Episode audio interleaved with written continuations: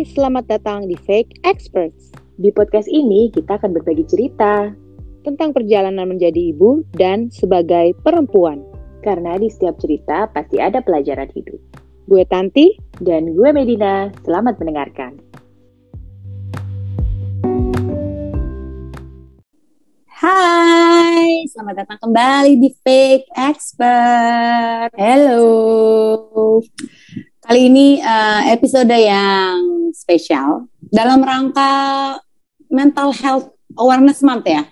Hmm. Kita mau hmm. mengundang satu orang expert ya kan, yang cantik, jelita, yang pasti lagi hits banget nih bulan-bulan ini ya karena bulan Oktober adalah mental health awareness month. Pasti dia lagi sibuk banget, susah banget cari jadwalnya. Mm -mm, tapi langsung akhirnya aja ya. ya. Uh, uh, akhirnya setelah kita paksa-paksa, kita langsung aja ya. Ini adalah seorang psikolog, Tara Detuat. Hai, hai, hai. Hai Tanti, hai Memet. Hai, hai Tara. Apa kabar, Tar? Baik, begitulah seperti tadi Tanti bilang ya, bulan Oktober bulan bulan puyeng. bulan puyeng untuk uh, para psikolog ya sibuk uh, ngurusin mental health orang-orang.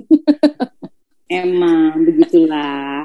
Apalagi di zaman pandemi ya, tar makin banyak rising gak sih di Indonesia sendiri tar eh, kasus-kasus yang berhubungan dengan mental health? Banget, banget. Kayaknya awarenessnya mulai mulai ningkat ya. Kan kalau dilihat di sosmed juga kayak makin rame gak sih bahas-bahas soal mental ya pandemi. Iya benar-benar benar setuju. Hmm, jadi kayak konseling, uh, webinar, event gitu jadi makin banyak. Uh, in a way itu sesuatu yang bagus sih karena berarti kan paling nggak awarenessnya naik ya. Iya iya benar-benar benar. Uh. Tapi gue penasaran ya. Uh, sebenarnya apa sih gitu? Misalkan mungkin banyak orang yang tapi kan walaupun naik, tapi pasti masih banyak orang yang uh, belum terlalu aware ya terhadap mental health. Mungkin mental health orang mereka aware, tapi mental health sendiri belum tentu ya kan. nah sebenarnya tuh apa sih pentingnya gitu loh buat kita nih sebagai individu ya aware terhadap mental health gitu. Iya penting banget sih karena orang biasanya kan fokusnya di fisik ya. Nah, yang nggak enak aja, nggak enak badan dikit, ayo ke dokter deh ke dokter gitu kan ya. Tapi begitu mentally kita nggak enak, kayak bingung gitu harus ngapain. Uh, ke psikolog ke psikiater juga mungkin masih masih kayak masih tabu ragu, ya gitu ya. masih tabu ragu. Stigmanya masih ada. Walaupun walaupun sih sekarang udah mulai oke okay sih.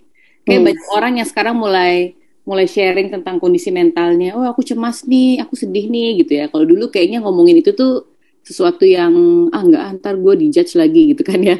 Hmm. tapi kan pada dasarnya kayak kalau kalau secara mental kita nggak healthy, kita nggak akan bisa produktif, nggak bisa happy juga, hidupnya nggak berkualitas gitu sih.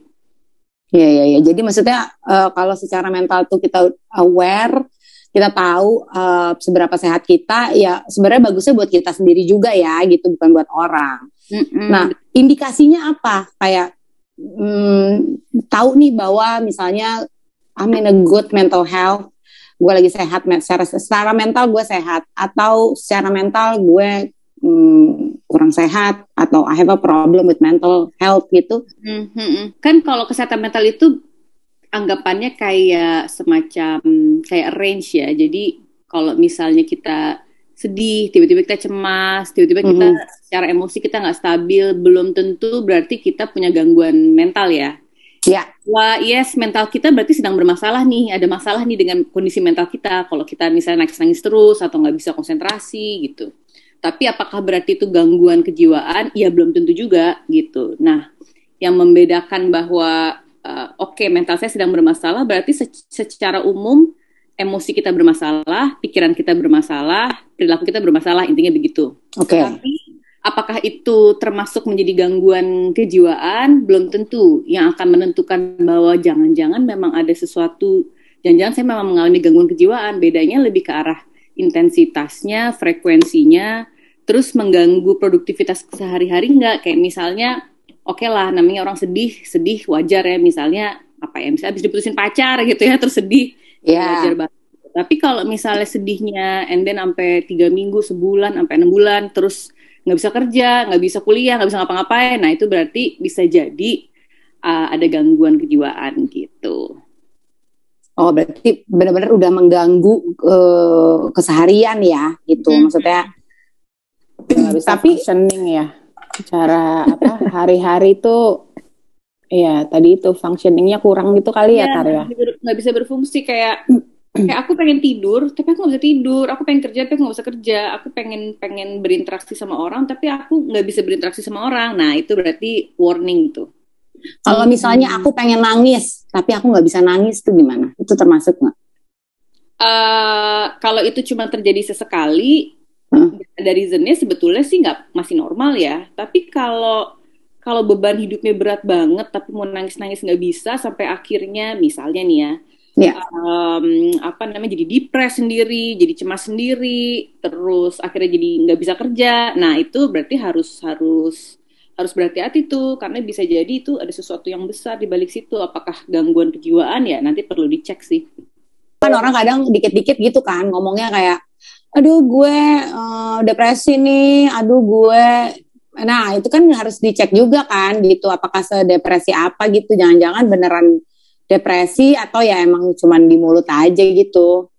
Nah itu penting banget tuh Tan karena maksudnya kayak karena awarenessnya naik, Ya. jadi sekarang semua semua dikaitin ke gangguan jiwa kan, kayak misalnya eh, pagi seneng terus sore bete, oh jangan-jangan gue gue bipolar nih gitu kan, Nah, gue sedih sedikit gitu, oh, jangan-jangan gue depresi. Atau misalnya kayak gue gue pengen banget kerjanya pengen pengen beberes melulu, oh gue OCD gitu kan ya, tapi kan sebetulnya iya iya iya. nggak sesimpel itu gitu. Iya kayak Iya, dulu banyak anak indikasi asik, ya. apa anak asik sendiri atau malas bersosialis- bersosialisasi dibilangnya autis, autis sempet kan jadi Oh, otis, otis atau ansos. ah, bercandaan gitu.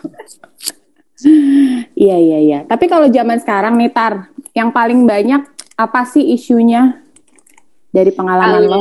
Iya, kalau terutama pandemi ya, isu yang intinya makin meningkat sekarang itu paling banyak eh, adalah depresi dan kecemasan. Itu paling banyak. Kalau kalau eh, kecemasan itu eh, cewek cowok sama ya. Eh, ini kalau dari kasus-kasus eh, praktek ya. Hmm. Ya. Cowok sama tapi mulai rising banget di cowok gitu. Oh, oke. Karena- Karena terutama pandemi uncertainty berhubungan dengan produktivitas, finansial gitu ya, berhubungan dengan masa depan. Eh, sedangkan yang juga rising itu depresi, mostly memang masih kebanyakan perempuan ya. Hmm, tapi eh, laki-laki juga banyak. Dan kalau depresi itu banyak yang isu-isunya lebih ke arah loneliness, kemudian Hmm. Quarter life crisis gitu ya, kayak tiba-tiba kehilangan identitas diri. Nah itu itu yang paling banyak sih kasusnya. Nah itu tuh tadi gue sempat mau nanya tuh kayak cowok, cewek gitu, perempuan, laki-laki, mana sih yang lebih kayak punya tendensi eh, untuk eh, bermasalah secara mental? Tapi kan tadi kan udah dibilang kayak kalau kecemasan cowok cewek kurang lebih sekarang sama, cewek lebih banyak di depresi. Kenapa? Maksudnya, maksudnya em, kesempatannya kan sebenarnya perempuan dan laki-laki sekarang kan sama gitu ya. Dia sama-sama di rumah pandemi, yang kerja juga sama-sama kerja. Tapi kenapa cewek itu lebih eh, tadi lo bilang ya tendensinya lebih naik sekarang eh, di depresi gitu. Sebetulnya mungkin isunya lebih ke arah dua hal ya. Yang pertama mungkin bukan berarti perempuan eh, secara fakta lebih banyak, belum tentu itu juga sih. Cuman Oke. memang yang lebih eh, mengadukan masalahnya atau datang konseling lebih banyak perempuan daripada laki-laki. Jadi kesannya Oh, oke. kayaknya lebih banyak perempuan gitu ya. belum tentu secara realita perempuan beneran lebih banyak belum tentu itu itu yang pertama yang kedua memang kalau dari segi eh kita bicara dari segi otak ya perempuan itu kan libatan emosinya memang lebih besar daripada laki-laki ya ya ibaratnya perempuan lebih kompleks lah daripada laki-laki kayak kayak kalau kayak, kayak eh simpelnya aja deh simpelnya kayak misalnya misalnya perempuan mau beli baju gitu ya kita kan mikirnya banyak ya warnanya lah bentuknya lah kepake lama Iya, iya. lah harganya lah gitu ya kalau Iya, iya benar. gitu. Jadi emang secara secara otak perempuan itu libatan otaknya lebih banyak dalam dalam dalam melihat suatu masalah lah. Jadi mungkin bisa jadi itu juga berkontribusi mengapa perempuan itu mungkin lebih banyak yang mengalami depresi gitu. Tapi tapi pada dasarnya dua-duanya perempuan laki-laki itu punya risiko yang sama sih untuk mengalami masalah mental. Oh, Oke. Okay. Tapi kalau gue lihat ya, kadang kan kayak kalau laki-laki ya gitu, misalkan gue contoh pasangan hidup lah ya, suami gitu. Kayaknya dia nggak cemas, kayaknya dia nggak depresi gitu. Apakah um, perempuan itu karena tadi lebih ribet, jadi lebih ekspresif juga gitu untuk um, menceritakan hal-hal yang terjadi di hidupnya, sementara laki-laki kayak diam-diam aja gitu. Iya iya iya, itu uh, kemungkinan seperti itu besar sih. Maksudnya laki-laki laki-laki dari dulu itu kan emang dia di apa ya tumbuh Bentuk. dengan diajarkan bahwa harus kuat, maksudnya harus lo nggak boleh lemah, lo nggak boleh nangis, lo nggak boleh lo nggak boleh menunjukkan sign kalau lo tuh nggak mampu kan ada ya seperti yeah. itu ya gitu. Jadi kalaupun mereka punya masalah ya mereka lebih banyak diem, lebih banyak ditahan atau lebih ke arah perilaku-perilaku yang eksplosif kan, misalnya tiba-tiba jadi marah misalnya hmm. atau lebih banyak diem misalnya kayak gitu loh itu bisa jadi sebetulnya lagi emang lagi mengalami masalah mental sebetulnya. Hmm. Oh oke, okay. berarti kalau suami-suami anda um, ada apa menunjukkan perilaku-perilaku yang ekstrim ya, ekstrim yang berbeda, ah, bisa jadi tuh. Didiemin kelamaan, nah kan itu jangan-jangan dia lagi mengalami masalah uh, kesehatan mental ya. ya atau misalnya kayak kayak tiba-tiba main game terus gitu ya. Yang kita pikir oh ya mungkin dia lagi senang-senang aja kali main game. Tapi bisa jadi bisa jadi sebetulnya mentally lagi bermasalah. Memang pelariannya ke game gitu kan itu contohnya. Hmm, apakah nonton drakor terus-terusan tiba-tiba adalah sign juga curhat nah itu perlu dipertanyakan tuh Iya, tujuan lo apa sebenarnya, Matt, untuk nonton drakor ini? untuk hiburan di masa pandemi. Ntar tadi lo bilang bahwa perempuan tuh lebih tadi kan aspek emosinya lebih luas ya range-nya gitu. Mm -mm. Nah, gue mau nanya ke soal yang sekarang lagi banyak juga nih dibahas ya overthinking katanya kan. Itu tuh uh, apa sih overthinking itu? Maksudnya apakah itu satu sign? Terus se apa ya? Sejauh mana itu tuh uh, bermasalah gitu untuk uh, kehidupan kita. Ini isu yang juga lagi banyak banget dibahas ya kalau kalau kalau praktek atau lagi event tuh banyak banget yang bahas overthinking dong, bahas bahas overthinking. Hmm, trending topik ya. Apakah overthinking itu sebuah sign masalah mental? Belum tentu, tapi akibat dari overthinking itu bisa mengganggu mental kita gitu kan. Kayak misalnya kayak kalau kalau kita overthinking yang dipikirin misalnya ah mau makan apa ya ih kayaknya makan mie enak deh eh kayaknya nasi goreng juga enak ya itu sesuatu yang netral ya tapi hmm. kalau misalnya yang dipikirin eh kira-kira masa depan gue gimana ya kayaknya gue nggak bakal bahagia deh kayaknya gue gak akan kayak orang lain deh kayaknya nah itu kan hmm. itu mancing mancing emosi negatif kita kan either kita jadi cemas banget atau kita jadi ngerasa buruk jadi ngerasa kurang yang bisa bikin kita jadi depres gitu jadi mikirnya kan sebetulnya nggak ada masalah, tergantung apa yang dipikirin sih. Iya, iya, iya. Signnya ya, kalau udah ke arah negatif nih gitu ya, terus-terusan berulang negatif, nah itu yang harus dipertanyakan berarti ya Tar ya. Mm -mm, tapi memang memang most of the most of the time kalau kita overthinking pasti dipikirin sesuatu yang negatif sih. Itu sebabnya makanya iya kalau banyak overthinking udah mulai harus harus hati-hati. Maksudnya harus ada remnya, harus ada batasannya. Kalau enggak uh, emotionally kita bisa kepengaruh banget. Nah, gimana caranya? Maksudnya gini, gue ini sebagai salah satu orang yang suka overthinking ya, gitu kayak mikir terus gitu kan, yang memang benar kata lo gitu. Ujung-ujungnya tuh nanti ada hal-hal negatif yang uh, masuk lah ke dalam pikiran, terus berdampak ke kehidupan gitu kan keseharian. Nah, itu gimana? Maksudnya hmm, how to stop it? Karena kadang susah gitu loh. Misalnya udah oke, okay, stop nih, berhenti berpikir. Terus nanti kayak nongol lagi ya? lagi iya gitu uh, uh, uh. yang mungkin bisa kita uh, engehin dulu pertama kalau pikirannya itu udah ke arah yang sifatnya ngeramal hmm. kayak hmm. ngeramal ngeramal terlalu jauh okay. kayak, kayak itu belum kejadian tapi sudah kita ramal itu harus hati-hati itu yang pertama Yang kedua kalau udah terlalu banyak asumsi. Hmm. Um, kita berpikir bahwa misalnya kayaknya orang nggak suka sama aku deh, kayaknya orang lagi ngejudge aku deh, kayaknya orang ngomongin aku di belakang misalnya gitu ya. itu kan udah mulai asumsi tuh. Iya iya benar. Nah, itu harus hati-hati. Kemudian yang bentuknya overthinkingnya yang ngejelek-jelekin diri sendiri, yang ibaratnya over over apa ya criticize diri sendiri deh, kayak kayak bener kan lo tuh salah, lo tuh lo tuh mau ngapain di sini, lo tuh gak ada gunanya, kayak lo gitu aja lo nggak bisa. Gitu kan. Nah, Iya. Nah itu tuh udah harus harus hati-hati karena itu kalau nggak difilter, eh pokoknya akan bikin emosinya jadi kacau. Nah kalau kita udah mulai engeh, oke ini udah mulai mengkritik, udah mulai ngeramal, udah mulai berasumsi, aku harus ngelakuin sesuatu nih supaya dia nggak jadi tambah panjang gitu. Nah yang paling simple, yang paling simple memang ngedistract sih. Oke. Uh, entah tiba-tiba ya udah deh mendingan aku nonton supaya fokus pikirannya beralihkan ya. Iya. Yang pasti kalau nggak distract nggak akan menyelesaikan masalah karena begitu distractannya selesai nongol lagi tuh biasanya. gitu. Nah itu yang terjadi ya kan pada diriku. Nah kalau mau yang sifatnya lebih jangka panjang ya bener-bener Oke. harus kayak misalnya practicing mindfulness, uh, breathing, um, lebih banyak belajar uh, kayak self care, self love yang kayak begitu sih. Dan itu kan latihan. Oh, Oke. Tuh, Matt. Jadi kalau lo lagi udah mulai-mulai drakor terus, ini lo sebenarnya overthinking, cuman lagi escaping aja. eh enggak dong, aku udah ada long term plan. Kan udah meditate juga, udah Oh, iya, iya. juga.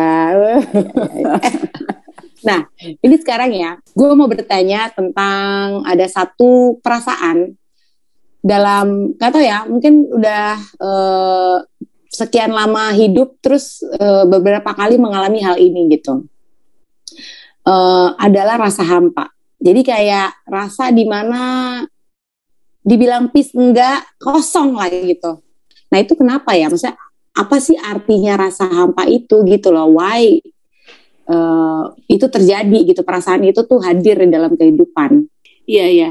Hampa itu kayak biasanya kan kayak apa ya? Kosong mungkin ya. Kayak Mm-mm. kayak kosong secara emosi kita maksudnya mau nangis juga bingung kenapa gitu ya. Tapi kenapa apa yang harus dimarahin gitu ya. iya Tahu bahwa kayak nggak ada yang harus dimarahin. Em, biasanya secara fisik tuh paling berasa di dada. setuju Kayak, kayak kayak bolong, kayak kosong, kayak gimana gitu ya biasanya. Iya. faktornya bisa macam-macam ya. Kadang di balik hampa itu bisa jadi kita lagi ngerasa sedih, bisa Oke. jadi kita lagi ngerasa bingung, bisa Mhm. jadi lagi ngerasa bosen. Oke Em, tapi mostly ketika kita ngerasa ada yang kosong, em, itu bisa menandakan bahwa kita lagi kayak kehilangan tujuan, kehilangan arah, kehilangan motivasi, kayak tiba-tiba nggak ada goal atau kehilangan Iya. sesuatu yang excited ya, kayak nah iya ada, ada yang, jadi makanya kayak nggak ada yang ada yang kurang kan, kayak ada yang kurang, ada yang bolong karena sesuatu iya terisi jadi nggak terisi gitu, ibaratnya seperti itu. Sih. Iya, padahalnya adalah di saat kita mengalami rasa hampa itu tuh em, seperti nggak ada masalah ya, gitu. Maksudnya keluarga lo baik-baik aja, Hmm, punya teman gitu. Maksudnya bukan yang kayak kita sendirian nggak punya teman, enggak. Kita punya teman, cuman juga kadang malas main sama temennya gitu, ya kan? Ya betul. kehilangan itu gitu dan gimana caranya eh, mengembalikan gue ini di posisi state yang secara fisik gitu ya baik gitu. Secara emosional juga mungkin ya itu tadi mungkin ada masalah sedikit ya. Tapi fine fine aja lah gitu. Semuanya utuh semuanya baik tapi ada rasa hampa ini. Nah gimana caranya kayak mengembalikan itu lagi untuk ke menjalani hidup supaya nggak hampa lagi lah gitu? Iya ya, banyak orang yang ngerasa hampa sebetulnya masih bisa menjalankan kesehariannya dengan baik ya. Iya. Maksudnya masih kerja, masih ketemu sama orang, masih ngobrol, masih berinteraksi, tapi tapi somehow kayak ada yang tetap ada yang bolong gitu ya. Kayak ada yang nggak Mm-mm. puas, ada yang nggak nggak bikin happy, ada yang ada yang ada yang kurang. Em, sebetulnya kita harus explore sih lebih dalam kenapa ya gitu. Dan biasanya di- muncul pada saat apa gitu. Karena mi- misalnya ini contohnya lagi di tengah-tengah bikin kerjaan, tiba-tiba kok gue ngerasa hampa ya gitu. Atau even lagi di tengah-tengah drakoran misalnya lagi di tengah-tengah justru harusnya melakukan sesuatu yang fun ya. Iya. Itu aku ngerasa kosong gitu. Atau di tengah-tengah lagi kumpul keluarga atau lagi sama pasangan harusnya happy, harusnya aku ngerasa happy nih. Tapi kok ngerasanya kosong ya gitu. Kok ngerasanya malah kayak ada yang kurang. Nah, um, nah jadi perlu dipertanyakan dulu yang pertama biasanya muncul pada saat apa. Nah, kalau Hmm. dari kalau kalau kita udah tahu dia munculnya pada saat apa, baru kita tanyain lebih dalam lagi, kenapa situasi ini membuat membuat saya kok jadi terasa hampa gitu. Kadang-kadang orang kebanyakan kita merasa seperti itu, tapi kita nggak finding out why kita merasa seperti itu gitu kan ya. Iya. Ini aku tahu aku sedih aja, tapi kita nggak nggak lihat lebih dalam. Eh tunggu dulu ya, sebetulnya gue sedih kenapa ya? Gue gue mikir apa ya? Gue lagi ngapain ya gitu. Nah itu jadi pertama harus harus um, coba untuk cari lebih dalam dulu kenapa seperti itu. Um, banyak hal yang juga bisa membuat kita hampa tuh kayak kita kehilangan kehilangan diri kita sendiri sih dalam arti kita ngelakuin pekerjaan yang actually nggak kita sukain. Hmm. Jadi kita kehilangan meaning gitu kayak oke aku harus ngerjain ini. Tapi sebetulnya bisa jadi bukan bukan ini bukan yang aku suka ya atau misalnya lagi rame-rame bareng teman-teman tapi kayak sebetulnya aku nggak aku nggak nggak ngerasa berkualitas nih dengan teman-temanku ini aku merasa palsu gitu kan biasanya kayak gitu ya kayak kayak iya, mata Kak tuh kayak Tanti nohok ya. Ya kayak jago banget Tara ya gitu. Kamu sekalian konseling gratis ini curang nih Tar. eh kok gitu? Ini kan idenya dari kamu. Ya, soalnya, soalnya, soalnya biasanya hampa itu kita masih bisa masih bisa beraktivitas, tapi di Hmm. dalam aktivitas kita kita nggak mendapatkan sesuatu. Makanya tadi di awal gue sempet bilang kan kayak kehilangan motivasi, kehilangan tujuan, atau bisa Iya. jadi kita kehilangan lagi kehilangan sesuatu yang meaningful, and then kita jadi hampa. Misalnya kehilangan orang yang kita sayang, putus dari Hmm. pasangan gitu ya. Tadinya hidup kita ada artinya, tiba-tiba begitu kehilangan sesuatu yang penting, kok jadi hilang ya gitu. Terus aku mau ke mana lagi gitu. Pokoknya di saat kita mulai mempertanyakan tentang tujuan hidup, aku ngapain, Hmm. betulnya sesuatu yang aku suka atau enggak, kok aku nggak nyaman yang ngelakuin ini, itu biasanya uh, hampa langsung keluar tuh, langsung mulai langsung mulai dirasain gitu. Berarti sebenarnya hampa tuh mungkin kayak merasa kurang berarti lah ya. Iya iya iya iya, kurang berarti, kurang kurang iya, yang dilakukan kayak nggak ada meaningnya. Tapi kita tetap bisa ngejalanin, tetap dijalanin gitu kan ya. Iya iya iya. Ya sekedar kayak robot aja kali ya, mungkin ibaratnya ya. Kayak ya udah jalanin aja, tapi tujuannya apa, happy atau enggak, em, mau ngapain, ini aku suka atau enggak, mungkin kita nggak tahu gitu. Oke. Mungkin Nah tapi si rasa hampa ini apakah dia ada hubungannya um, dengan mental health gitu? Misalnya kayak mungkin dia adalah penyebab awalnya atau mungkin dampak dari kesehatan mental yang kurang baik kayak gitu-gitu ada nggak sih hubungannya? Bisa dua-duanya, bisa dua-duanya. Kayak misalnya kalau hampa ini mengarah ke kesehatan mental, Hmm. begitu kita mulai merasa hampa, biasanya kita mulai questioning diri kita kan ya. Iya. Ya, kok aku mungkin aku masih di sini-sini aja. Kok misalnya nih temanku udah sampai sana, aku masih di sini. Terus aku mau ngapain? Mau kayak gini sampai kapan? Kok aku ngerasain kayak gini? Berarti aku nggak happy dong gitu ya.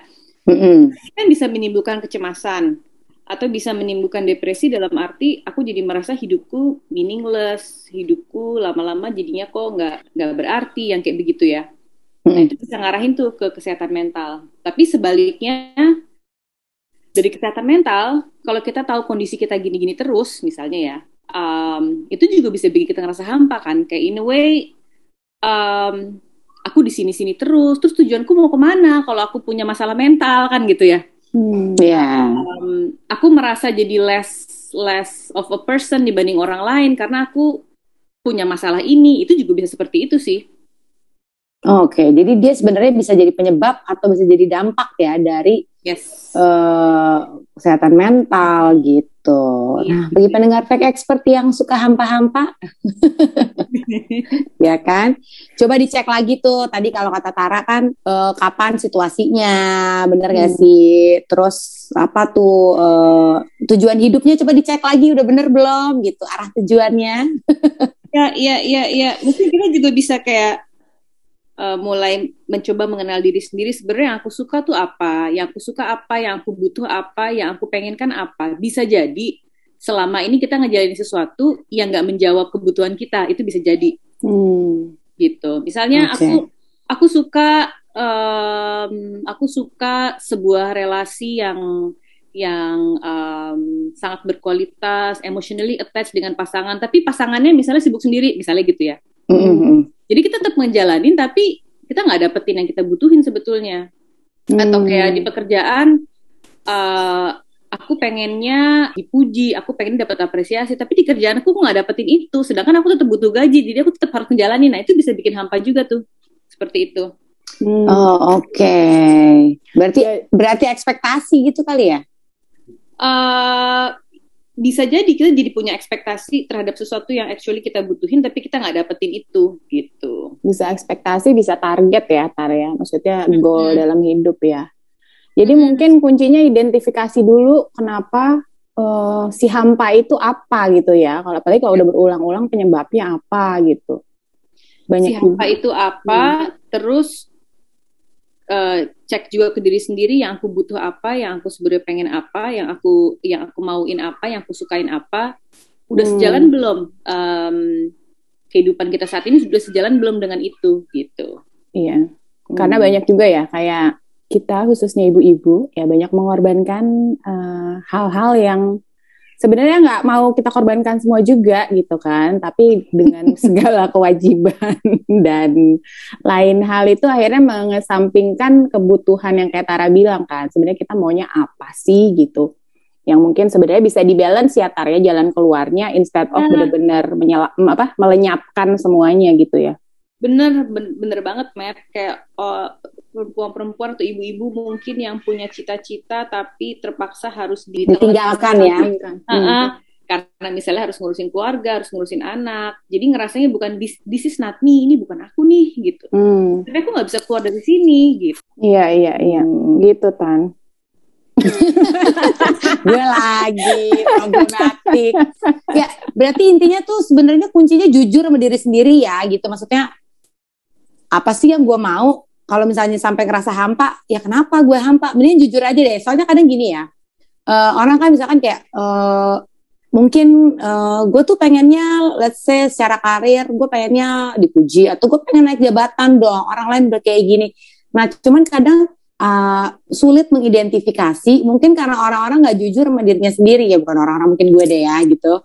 Nggak jujur sama dirinya sendiri gitu loh kayak enggak gue nggak exactly. butuh. Itu bener gitu nggak sih kadang kan? Kayak bener, enggak gue nggak butuh banget. gitu. Enggak gue I'm fine gitu. Padahal denial ya lu ya. hampa aja terus gitu ya, ya kan? ya, ya. bener antara kita denial atau kita kayak misalnya kok kok gue masih butuh karir sih? Kan kehidupan keluarga gue udah baik-baik banget. Masa gue nggak bersyukur sih? Hmm, nah itu tuh. Toxic positivity ya. Yes banyak sekali terminologi uh, zaman sekarang ya yang oh, ya. kita catch up. Tar, seru, seru. Yeah. Kita eh tahu lo sibuk banget, ya. Yeah. Pastinya lanjut lagi ya dengan acara-acara Tara yang lainnya. Uh, any last remarks on mental health ya, khususnya karena bulan ini lagi memperingati mental health awareness. Uh, apa sih Tar mungkin lu sebagai psikolog uh, ada catatan-catatan penting atau tips-tips dalam menjalani hidup kita yang complicated ini? ya, uh, intinya sih um, memperhatikan kesehatan mental itu sesuatu yang penting ya. Jangan di jangan dikesampingkan kondisi emosi kita, uh, kebutuhan kita. Um, kalau memang dalam hidup kita itu sesuatu yang bisa kita pedulikan, even kita kejar gitu ya, hmm. uh, sebisa mungkin untuk kejar itu gitu. Tapi kalau misalnya sekarang kondisinya nggak memungkinkan, sibuk kerja, sibuk ngurus keluarga dan segala macam, sebisa mungkin tetap luangin waktu untuk benar-benar kita hmm, observe diri kita, explore sebetulnya kita tuh butuh apa, kita pengen apa, yang kita sukain apa, even though itu cuma sedikit waktunya ya, tapi kalau hmm. kita lakukan untuk diri kita sendiri untuk bangun kesehatan mental kita, uh, why not itu penting banget karena gimana pun juga kalau kalau kesehatan mental kita nggak nggak nggak oke okay, kayaknya apa pun itu akan sia-sia sih even kita mau jadi hmm. orang kaya jadi sukses jadi orang yang hidupnya udah lengkap segala macam akan tetap hmm. sia-sia kalau secara emosi pikiran dan perilaku kita belum bisa selaras sih gitu. Oke, okay. benar banget itu Ya, jadi jangan sia-siakan hidup Anda, ya kan? Aware terus sama mental health-nya supaya benar-benar bisa mencapai uh, mindfulness ya dalam hidup. Yeah. Oke, okay, thank you Tara untuk waktunya mampir di Fake Experts. Iya, terima kasih loh Tara udah nyempetin. Nanti kita undang lagi dong ya. Boleh, boleh. Stay healthy semuanya buat keluarga juga. Kalian juga, thank you. See you next time. Thank you. Bye bye. Untuk berbagai informasi mental health awareness yang menarik lainnya dari Tara, follow Instagram Tara di @tara underscore.